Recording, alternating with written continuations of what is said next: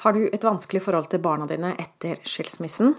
I denne podkasten vil jeg fortelle deg tre ting du ikke bør gjøre.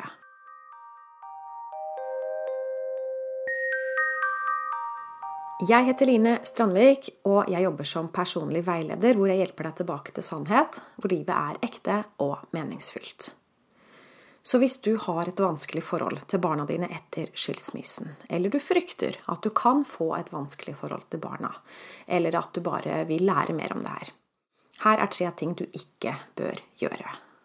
Det første er du bør ikke skylde på eksen.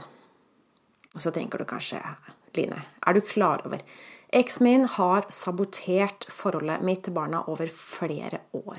Hun eller han har jobba systematisk kommet med falske anklager mot meg, vendt venner og familie, og til og med de som skulle hjelpe oss, imot meg.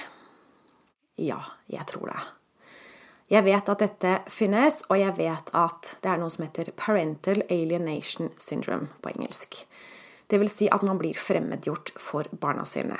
På norsk starter det med det som kalles foreldrefiendtlighet, som kan utvikle seg til foreldrefiendtlighet fremmedgjøring. Altså at man ser mindre og mindre til barna sine, og til slutt kan man ende med å miste barna. Absolutt. Dette finnes, det vet jeg. Men jeg vet også hvordan du kan motvirke det. For det her har jeg studert grundig i mange år. Nei, jeg har ikke lært det på skolen. Sånt her tror jeg ikke man lærer av bøker. Vi må gå utenfor hodet. Det er iallfall det jeg opplever. Vi må forstå hvordan en narsissist opererer. Hvordan de lykkes, og hvordan de mislykkes med å misbruke andre. Sannheten er at narsissistens eneste våpen mot deg, det er dine det jeg kaller røde tanker og følelser, dine vonde tanker og følelser. Jeg har sett gang på gang at når folk kommer på plass i seg selv, blir sterke i seg selv, så mister narsissisten makten over dem.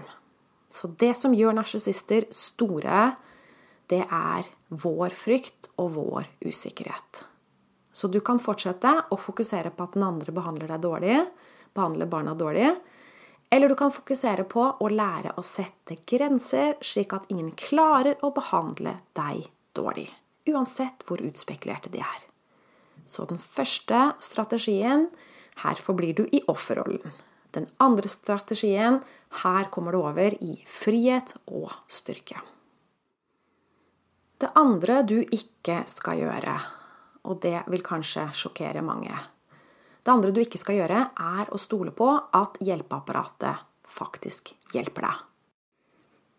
Jeg sier ikke at du aldri skal bruke dem, men du må forstå hvorfor du ble hekta inn i et narsissistisk forhold i første omgang for det er ikke tilfeldig.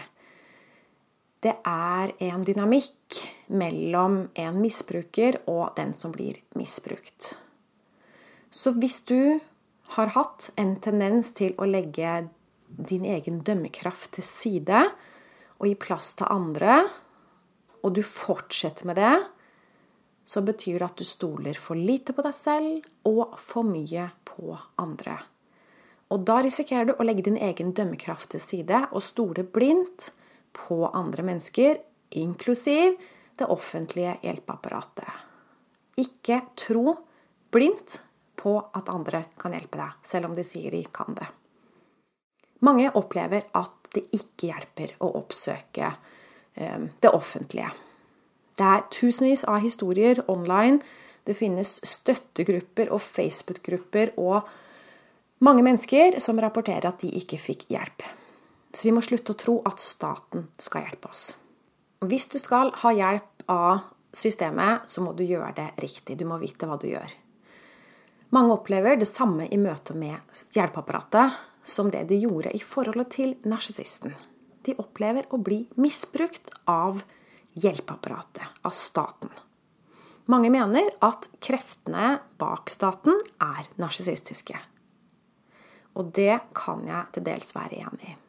Men det betyr ikke at de som jobber for staten, er narsissister.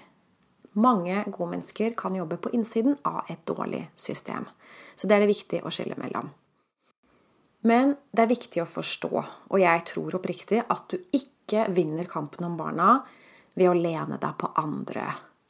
Hvis ikke du styrker deg selv, hvis ikke du utvikler deg selv, så er det ingen som kan hjelpe deg med å redde deg og barna dine. Den tredje tingen du ikke skal gjøre, er å forbli i offerrollen. Du må ut av offerrollen for din egen skyld, og ikke minst for barna dine sin skyld. Så ikke gi opp. Det er håp. Og det er ikke så vanskelig som du tror. Du skal bare lære deg hvordan narsissister får grep om deg hvordan de jobber gjennom barna, kanskje til og med gjennom staten, for å nå deg. Hvis du har store barn, så er det viktig å styrke ditt forhold til barna og ha fokus på, på det forholdet. For er de store nok, så har ikke familievernkontor og rettsapparatet har ikke så mye å stille opp med hvis barna ikke vil være hos deg lenger. Så store barn viktig å styrke forhold til barna. Og her har de fleste mye mer å gå på enn de er klar over. Det er ikke alltid lett å se sine egne blindsoner. Er barna små, så pleier jeg å råde folk til å unngå hjelpeapparatet hvis det er mulig. Lær først og fremst å håndtere eksen. Men noen ganger så er det nødvendig, og eh, ja, familievernkontoret er jo obligatorisk uansett, men det å gå i retten, det kan være nødvendig i enkelte tilfeller.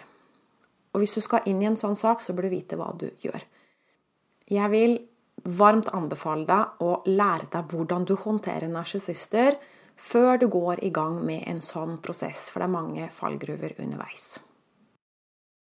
Sannheten om tabbe 3 her er at du kan bli lykkelig skilt med trygge og glade barn. Du har det i deg. Du skal bare utvikle deg selv. Og hva betyr ordet selvutvikling? Hva betyr det å vikle ut deg selv? Det betyr å bli bevisst om hvem du er og hva du kan, og at du kan så mye mer enn det du er bevisst om. For hvem er du egentlig? Du er allmektig i ditt eget liv. Intet mindre. Og det finner vi som regel ikke ut av før vi står i så vanskelige situasjoner og blir tvunget til å utvikle oss. Blir tvunget til å finne fram ressurser som vi ikke tror er mulig. Og så finner vi dem, og så ser vi det, og så blir vi mer bevisst om hvem vi er. Så ikke så galt at ikke det er godt for noe. Ikke gi opp. Du kan få et godt forhold til barna dine. Hvis du har lyst til å lære mer om det her, så har jeg mer å gi deg. Jeg har lang erfaring med spesielt vanskelige skilsmisser. Jeg driver et enkeltmannsforetak, tilbyr online-kurs, tilbyr samtaler for å undersøke om det her er noe for deg, så gå inn på linestrandvik.no klarhet og bestill en avklaringssamtale med meg. Det er en kort samtale, gratis samtale, for å finne ut av om det er match mellom det du trenger og det jeg tilbyr. Så det var det altså. Har du et vanskelig forhold til barna dine etter skilsmissen, så ikke gjør disse tre fallgruvene. Ikke skyld på eksen. Ikke stol på at hjelpeapparatet skal eller kan hjelpe deg og ikke forbli i offerrollen. Kom deg ut for din egen skyld og for barnas skyld. Takk for at du hørte på. Jeg ønsker deg en fin dag videre. Ha det godt.